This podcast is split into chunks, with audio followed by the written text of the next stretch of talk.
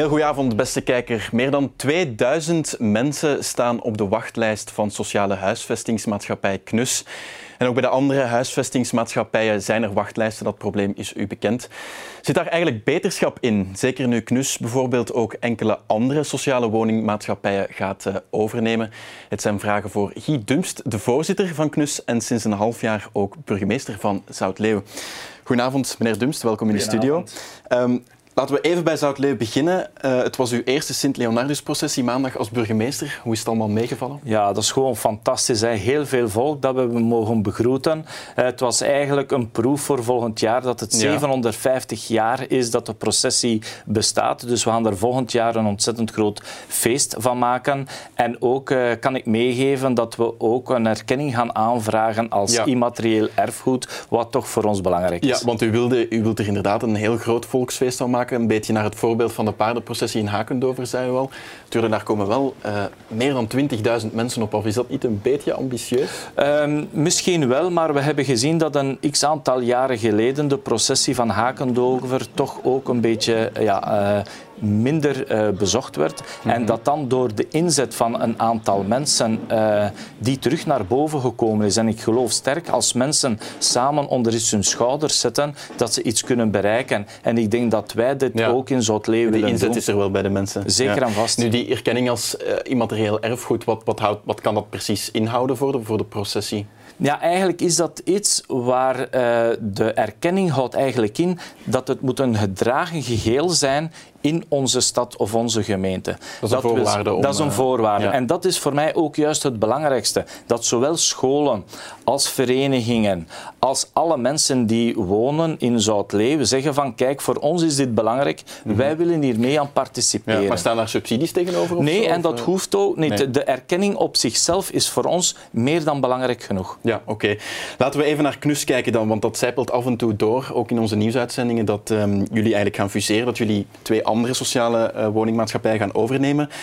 Jullie zijn eigenlijk bevoegd nu voor alle sociale woningen ten oosten van Leuven. Moet die fusie er ook voor zorgen dat die wachtlijst sneller wordt afgebouwd? Is dat de bedoeling? Ja, de bedoeling is altijd is om zo'n klein mogelijke wachtlijst te hebben. Maar ja. dat moet gebeuren doordat wij als maatschappij genoeg woningen bouwen. Om zo die lijsten uh, te ja. laten En gaat dat nu makkelijker gaan met die fusie, denkt u? Gaat dat efficiënter gaan? Uh, ik denk dat dat niet efficiënter gaat. Er zijn twee zaken. We moeten nieuwbouw doen, maar we moeten ook het bestaand patrimonium vernieuwen. Mm -hmm. En die twee samen gaan maken dat wij genoeg woningen hebben om de wachtlijsten te verminderen. Ja, en waarom is die fusie er dan gekomen? Want je zou je ook de vraag kunnen stellen dat gemeenten misschien door die fusie, het opgaan in nog een groter geheel, misschien ja, de voeling met, met hun eigen mensen die op zoek zijn naar sociale woning nog iets meer gaan verliezen. Waarom is die fusie er dan gekomen? Die fusie is er gekomen op vraag van de Vlaamse overheid. Hè. Okay. Die heeft gezegd van kijk, jullie moeten een minimum aantal woningen hebben hè, om te kunnen bestaan.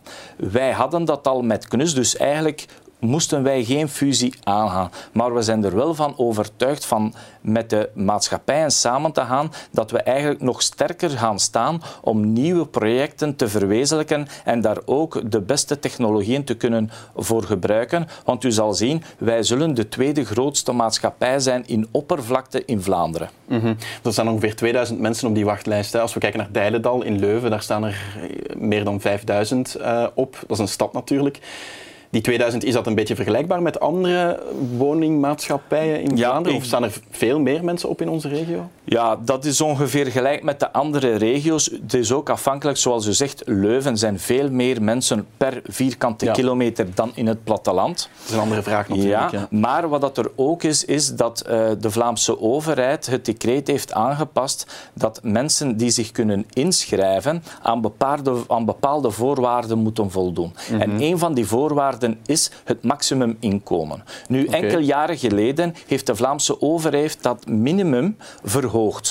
Waardoor dat er natuurlijk terug een heel aantal mensen opnieuw op de wachtlijst kunnen staan.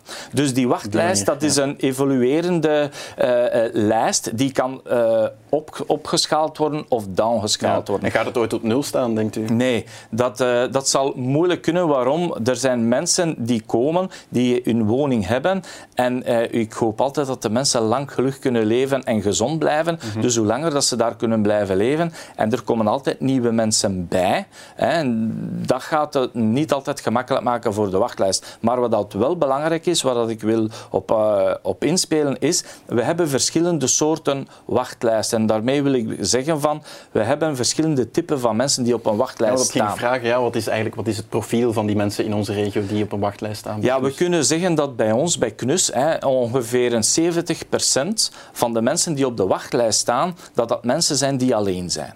Alleenstaande, ah, ja, ja, wij hebben ook grote gezinnen is heel weinig. Wat dat voor ons nu heel belangrijk is, als wij nieuwe projecten bouwen, dat wij eigenlijk bouwen naar de wachtlijsten. Dus als wij bijvoorbeeld 100 nieuwe woningen zetten, dan ben ik ervan overtuigd en dan wil ik daarop aandringen dat dan ook 70 van die woningen zijn voor alleenstaanden. En op die manier gaan wij wel die wachtlijsten kunnen stabiliseren over de verschillende vormen. Want als wij een project maken met alleen maar woningen met vijf of zes uh, slaapkamers bijvoorbeeld, ja. ja. dan gaat die lijst, die 70 nooit niet naar beneden geraken. Ja, het speelt dus niet in op de behoeftes. En zijn er dan bepaalde projecten op, op TIL? Uh, ja, wij, wij, hebben een 400-tal woningen op TIL staan. En het zijn nieuwbouwprojecten dan? Nieuwbouwprojecten en ook renovatieprojecten. Ik kan mhm. zeggen, uh, in Aarschot, daar hebben wij een wijk volledig energetisch gerenoveerd. Maar bijvoorbeeld in Landen is er nu een project op komst waar 83 nieuwe appartementen zullen komen in de Ernest Pitola. Ja, oké. En dat energetische verhaal dat moet er dan ook voor zorgen dat die energiefactuur beperkt blijft voor die mensen. Ik ben blij dat u dat aanhaalt, want ik heb altijd gezegd energiearmoede is de nieuwe armoede. De mensen die bij ons komen wonen, die hebben een huurinkomst afhankelijk van hun inkomen. Dus daar kunnen wij hen veilig op stellen. Maar wat is de grootste kost voor onze mensen? Dat is de energiefactuur. Dus als wij nu nieuwbouwprojecten kunnen doen waar we de energiefactuur kunnen naar beneden halen, dan gaan we die mensen wel degelijk uh, helpen. Mijn droom is altijd om een, een, project te realiseren die volledig energie-neutraal is. Kleine windmolen, zonnepanelen, waterputten, dat het eigenlijk uh, een energie-neutrale woning is. Het spijtige is dat wij door de overheid gesubsidieerd worden voor de woningen, mhm. maar niet om die droom om energie volledig neutraal te komen, dat is nog een apart budget dat wij zelf als ah maatschappij dus moeten investeren. Dat is nog de moeilijkheid dan. Goed, laten we eens terug naar Zoutleeuw gaan. De tweede beste stad van Vlaanderen hebben we onlangs aangekondigd in het nieuws ook als het gaat over de opvang van, eh, van hemelwater belangrijk in de strijd tegen overstroming en wateroverlast, waar Zoutleeuw wel vaak mee te maken krijgt. Is dat ook uw, uw grootste prioriteit als burgemeester dan, van ja, niet alleen mijn prioriteit, ook mijn schepencollege en het vorige bestuur mhm. is dat belangrijk. En ik kan wel zeggen dat wij daar 100% op inzetten. We kunnen meegeven dat wij nu zelf als stad zijnde een zevental hectare hebben aangekocht en dat de VMM nog van zin is om drie maal meer aan te kopen. Hè, om dan een buffering te kunnen voorzien van een 400 al 500.000 kuub uh, water. Dat is belangrijk. Maar daar stoppen we het niet mee. We zijn nu ook bezig al de grachten en de afwatering in het centrum aan het reinigen, aan het optimaliseren, zodoende dat ook wanneer er water is, het water ook kan afgevoerd worden. Ja, makkelijker kan En dat zien we wel, dat is een hele grote kost, maar daar zijn we intens momenteel mee bezig. Ja, oké. Laten we het nog eens eh, hebben over mobiliteit dan. En er wordt wel wat gefietst in Zoutleeuw door eh, de Leeuwenaren zelf, maar ook heel veel mensen die op weg zijn naar het, uh, naar het Finnen. Nu, het centrum is al een tijdje een fietszone, maar bij de oppositiepartij, bij N-VA onder meer, horen we toch ja, dat de infrastructuur niet altijd is, dat het toch niet helemaal veilig is. Bij de heraanleg van de Grote Markt wordt die fietsinfrastructuur de grootste nummer één? Ja, dat wordt een prioriteit. Hè. Wij willen eigenlijk alle mobiliteit behandelen, maar de fiets is een van de prioriteiten in het centrum. En die wordt nu nog iets te slecht behandeld, zeg maar. De infrastructuur is er nog niet. Nee, daar ben ik eh, niet met akkoord. We zijn nu ook bezig, onze technische dienst zijn nu fietsstallingen aan het maken waar fietsen, hè, het is nu de mode van elektrisch fietsen, om daar op te laden, om daar te stallen, ook in het zicht van de terrassen van mhm. de cafés. Als mensen komen met de fiets, die fietsen die zijn heel duur. En ja, we moeten ook zien dat we die op een veilige manier kunnen kunnen, uh, kunnen stockeren of kunnen plaatsen, terwijl dat mensen iets anders aan het doen zijn. Ook met de politie spreken we daarover dat uh, het stadscentrum, de fietszone belangrijk is, maar natuurlijk de auto heeft ook zijn plaats. Zo zijn we ook meerdere randparkings aan het maken. En ik heb ook al een keer gezegd, de mensen zeggen, ja, de parkeerprobleem is een probleem. Dat is correct, maar vroeger had iedereen iedereen één auto. Nu spreken we zelfs met sommige gezinnen die drie auto's hebben. Mhm. Is het dan de taak van ons als overheid om die allemaal een parkeerplaats te geven? Nee, ik denk dat het in het centrum moet zijn dat mensen tot het centrum komen, hun ding kunnen doen, of in een horecazaak, of bij de apotheker, of naar de frituur gaan.